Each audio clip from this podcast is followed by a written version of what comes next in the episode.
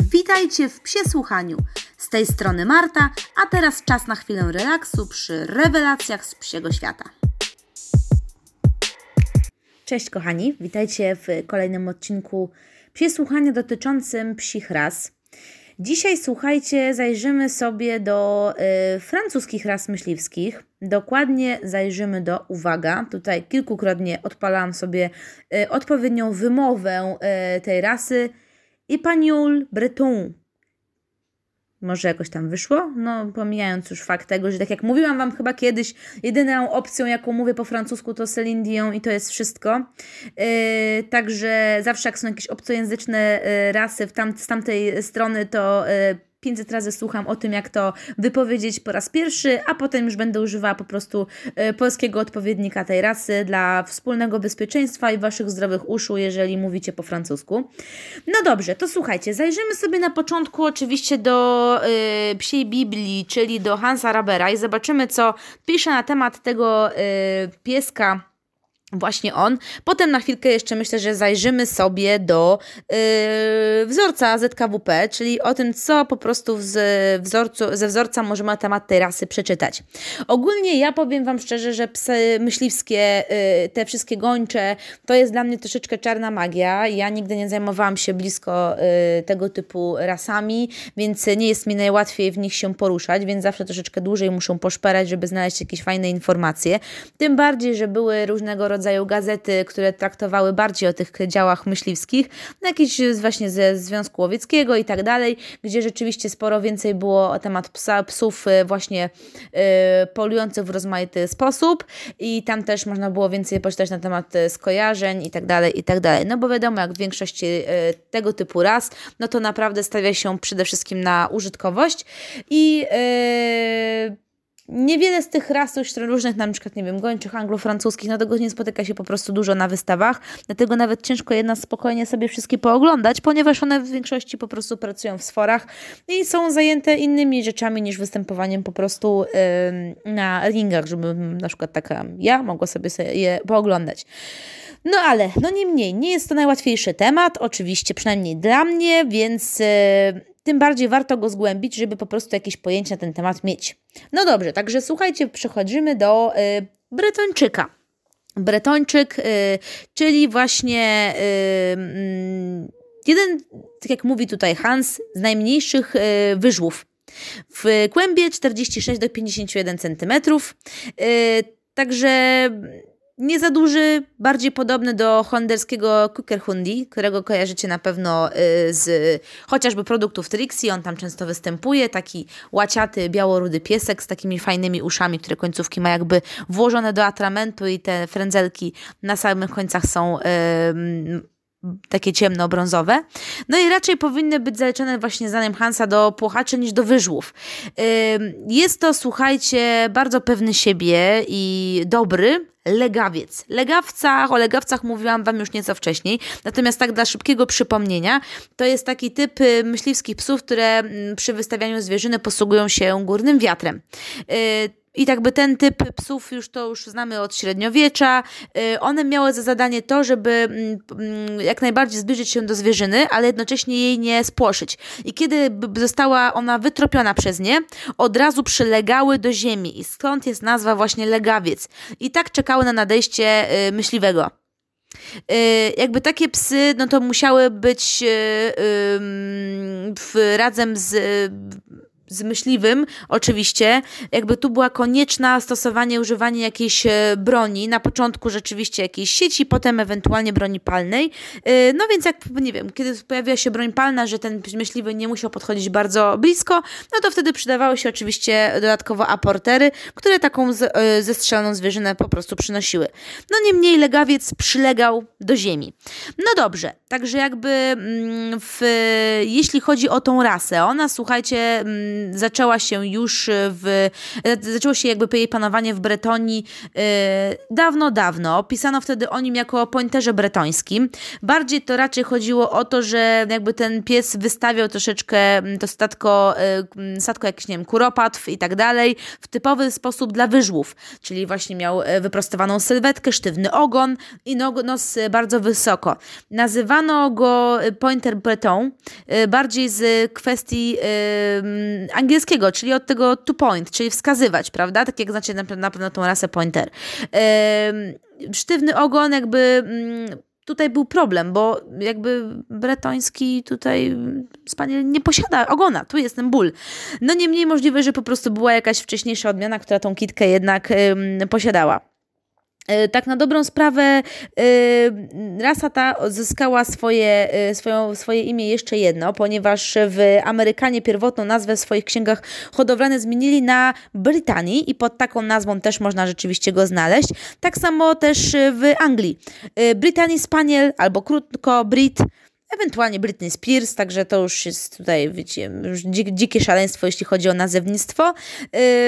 W Ameryce Południowej, w Afryce, w Afryce Południowej, w Japonii rzeczywiście jest to bardzo popularna rasa jest taka, mm, tutaj nawet słuchajcie, pokuszono się o takie stwierdzenie, że to jest najpopularniejsza rasa psów myśliwskich na skalę światową.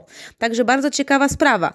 Jeśli chodzi w ogóle o pochodzenie, to dopatruje się tego już yy, około 200 roku naszej ery, gdzie właśnie pisano o psie myśliwskim Bretonów we Francji, który yy, był, jeśli był naprawdę bardzo czuły, miał bardzo, bardzo dobrze rozwinięty zmysł węchu i był w stanie po prostu wyczuć na, na przykład zająca, który znajdował się w kotlinie już z bardzo dużej odległości.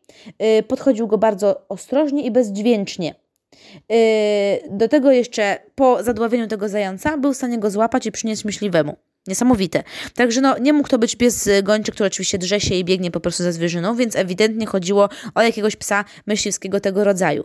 No tutaj oczywiście, y, jak zwykle, y, wstępujemy na łono sztuki. To jest wręcz nieodzowny element, jeżeli mówimy o rasach, czyli obrazy. Obrazy, gobeliny, ikony, średniowiecze, renesans, wszędzie przewija się właśnie yy, według miłośników rasy, y, którzy zawsze widzą swoje na tych obrazach. Y, na obrazach y, Franka, Franza Halsa i Van Dicka na przykład są też właśnie tych mm, niderlandzkich dziełach różnego rodzaju pieski myśliwskie, które właśnie biało-kolorowe, ptaszniki, ozdobniki i właśnie dopatruje się w nich tego Bretończyka. Oczywiście Holendrzy widzą tam zupełnie inne rasy, ponieważ oni widzą swoje Patrish Hondy, widzą swoje Kukir Hondy, także jakby oni widzą zupełnie inne rasy, ale to zawsze każdy widzi to, co chce. Yy, my też myślę, że jako polski naród byśmy zobaczyli swoje rasy w tych obrazach, także hmm.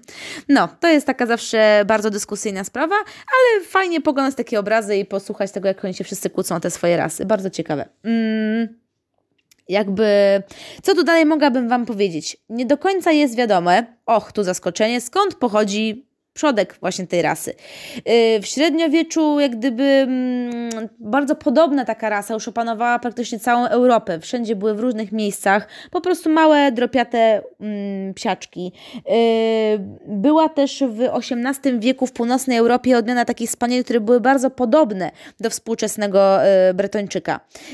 Mówi się też właśnie, że one były malowane właśnie przez tych holenderskich malarzy.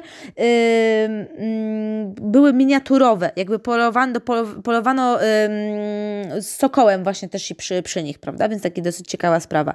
Dużo autorów, którzy zajmują się właśnie kynologicznymi rozważaniami dotyczącymi pochodzenia ras, yy, mówi, przypuszcza też, że Springer Spaniel walijski, no jeżeli ktoś z Was jest w stanie sobie wyobrazić, jak on wyglądał też w głowie, no to szybko może przekalkulować, że rzeczywiście jest bardzo podobny do y, Bretończyka.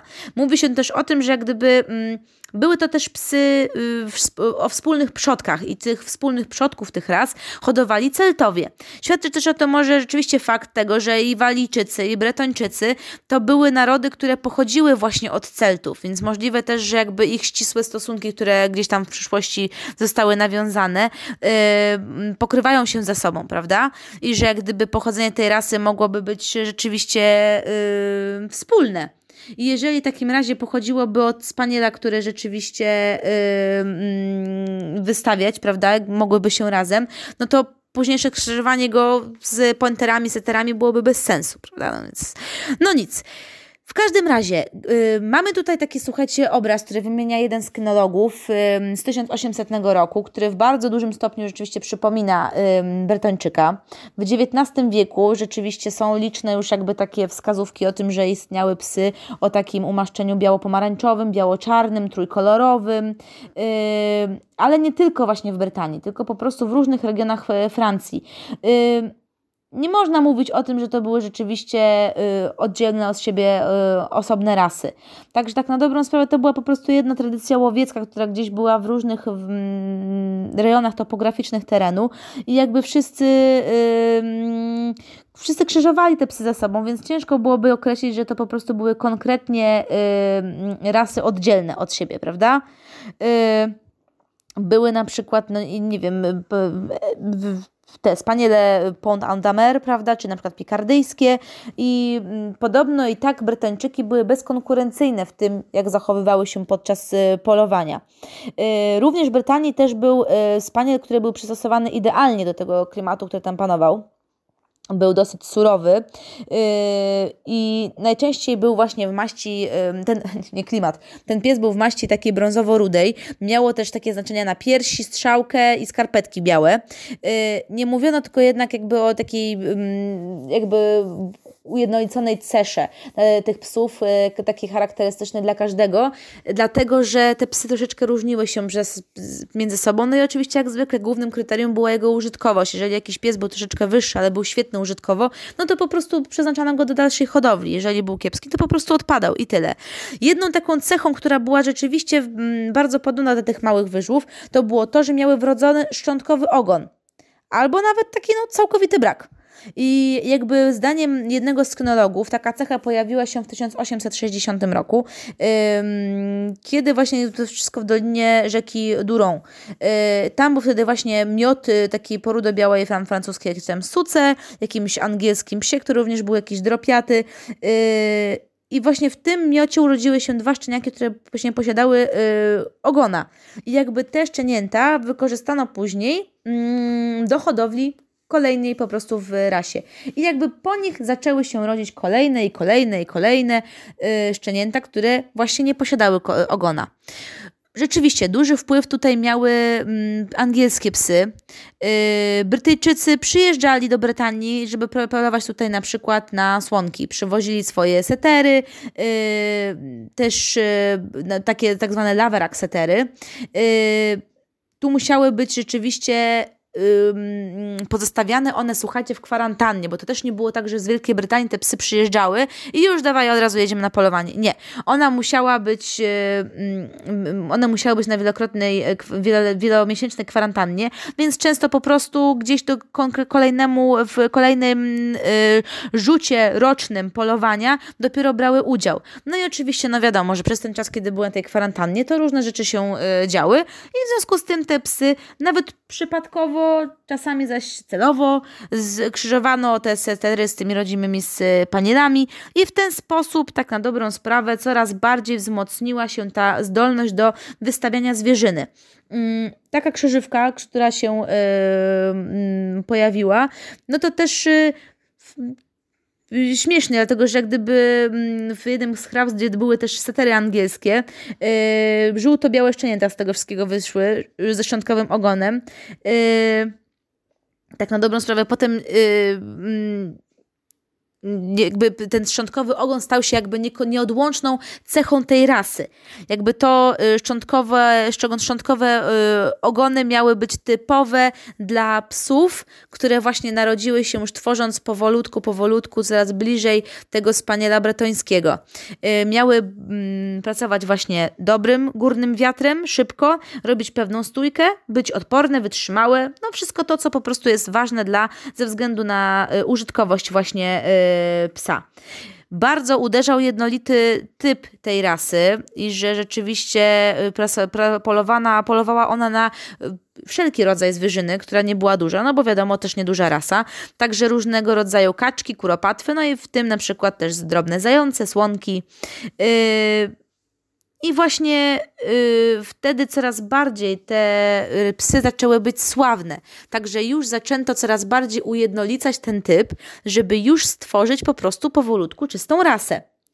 Y, pierwsze takie wyżły bretońskie pojawiły się w 1896 roku na wystawie.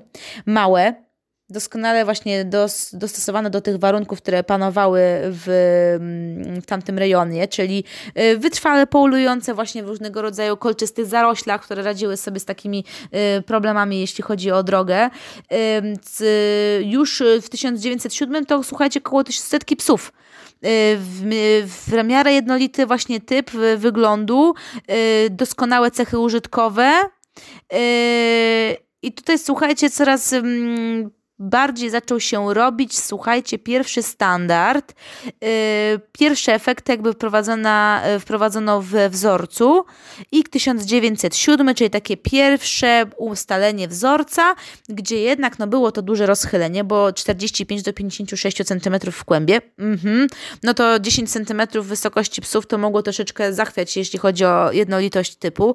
Yy, w 1908 roku obniżono o centymetr, czyli po prostu do 55 cm w kłębie i dodatkowo wykreślono z wzorca umaszczenie czarno-białe.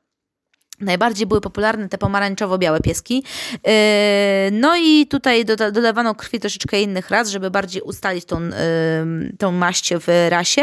Po raz kolejny dano yy, zmiany, poprawki do wzorca w 1910, gdzie ustalono maksymalną długość ogona na 10 cm. Cały czas jednak upierano się przy tym, że najfajniej by było, gdyby był wyrodzony szczątkowy.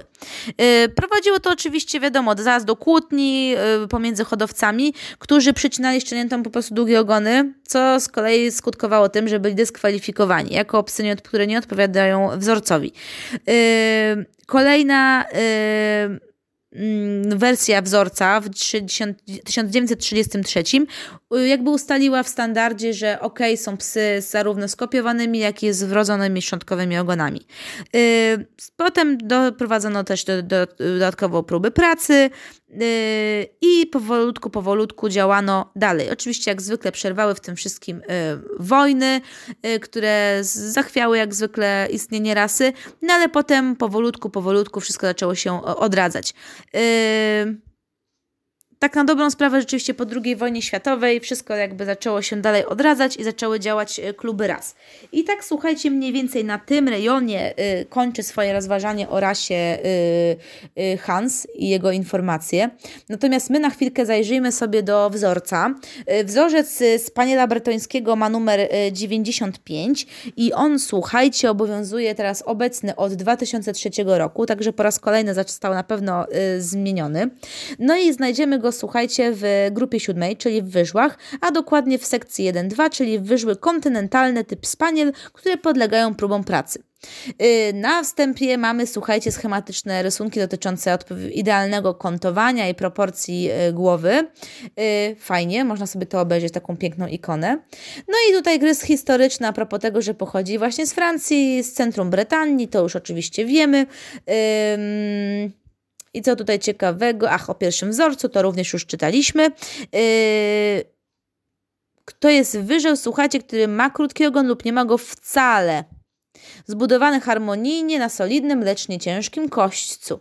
No dobrze, czyli elegancki, piękny pies. Tutaj mamy troszeczkę oczywiście jak zwykle opisy proporcji. Yy, jeśli chodzi o temperament, towarzyski, inteligentny, zrównoważony.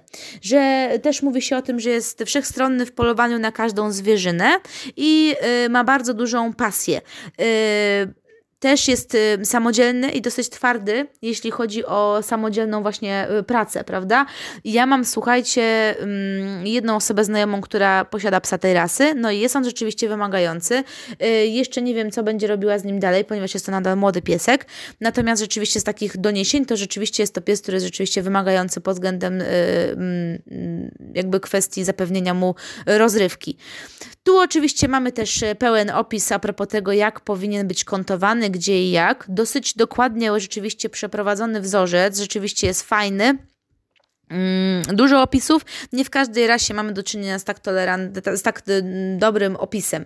Nie wszystkie wzorce są wyczerpujące moim zdaniem, dlatego ja też właśnie lubię się posiłkować y, książkami, które dotyczą właśnie jakichś y, rysów historycznych, bardziej pochodzenia tych psów, ponieważ też czasami ta historia, słuchajcie, jest strasznie zjedzona w tych wzorcach i jeżeli nie kupi się typowo książki o rasie, a ich też umówmy się wcale nie ma tak wiele i nawet jeżeli są, to są jakieś właśnie z serii mm, dziadowej, gdzie o słuchajcie, to jest labrador i labradorowi trzeba kupić miskę. Bez sensu. Także y, czasami rzeczywiście warto y, gdzieś pogrzebać na stronach, szczególnie jeśli chodzi o rasy myśliwskie, na stronach, które traktują właśnie typowo o kwestiach myśliwskich. No dobrze, co tutaj mamy ciekawego? Właśnie, umaszczenie. Biało-pomarańczowe, biało-czarne, mimo że wcześniej było wykreślone, o czym mówiliśmy. Biało-brązowe z mniej lub bardziej nieregularnymi łatami. Dereszowate, srokate, nakrapiane. I to chyba jest jedna z takich y, y, wyraźnych cech rzeczywiście. Y, poza tym, że rzeczywiście ma te, mają te, y, mm, mają te szczątkowe ogony. No nie, nie, nie, niemniej wydaje mi się, że Bretończyka rzeczywiście dosyć łatwo rozpoznać spośród tych wszystkich myśliwskich ras. Raczej on się nie myli tak na pierwszy rzut oka od razu z innymi z, z. Fajnie, fajnie, fajnie, bo jest to, nie jest to trudne. Też również słuchajcie we wzorcu macie dużo opisanych Y, wad dysk, dyskwalifikujących. Yy, fajnie, bo tu słuchajcie, nawet yy, braki w uzębieniach, jakieś kwestie pigmentowania. Czasami w wadach to, to o, wszelkie od, odstąpienia od wzorca, brak yy, jąder w mosznie i do widzenia. A tutaj troszeczkę więcej mamy opisów na ten temat spoko. Można się troszeczkę więcej dowiedzieć na ten temat. Jeśli chodzi o Bretończyki, spotykam na wystawach, spotykałam w zasadzie, bo teraz przez tą pandemię to po prostu nie ma nawet gdzie pojechać, a też i restrykcje raczej nie dotyczą ewentualnie osób odwiedzających z tego, co się orientowałam, to jeden pies, jedna osoba i nie za bardzo jest możliwość po prostu wejścia na teren wystawy i pooglądania tych psów. Szkoda. No, yy, niemniej rzeczywiście można je spotkać, więc można jak najbardziej je zapytać, chociaż wydaje mi się, że to będzie yy, jakaś taka mm, forma yy, psa, która nie będzie najłatwiejsza do prowadzenia tak e, w bloku. Wydaje mi się, że to pies, który rzeczywiście jest wytrzymały, ma pasję dużą do y, pracy i na pewno coś z tym psem trzeba robić. Nie można go zostawić samemu sobie, bo nie jest to wtedy pies dla nas. To jest rzeczywiście pies, który podlega próbom pracy, więc ewidentnie taką pracę trzeba by było mu zapewnić w taki czy inny sposób. No, także dziękuję Wam bardzo serdecznie za wysłuchanie, z wysłuchanie y, informacji o Brytończyku, o spanielu bretońskim, o Brytanii, o Brit, o Epanule Breton. Słuchajcie, pozdrawiam Was ciepło i słyszymy się w kolejnym odcinku. Do usłyszenia, pa!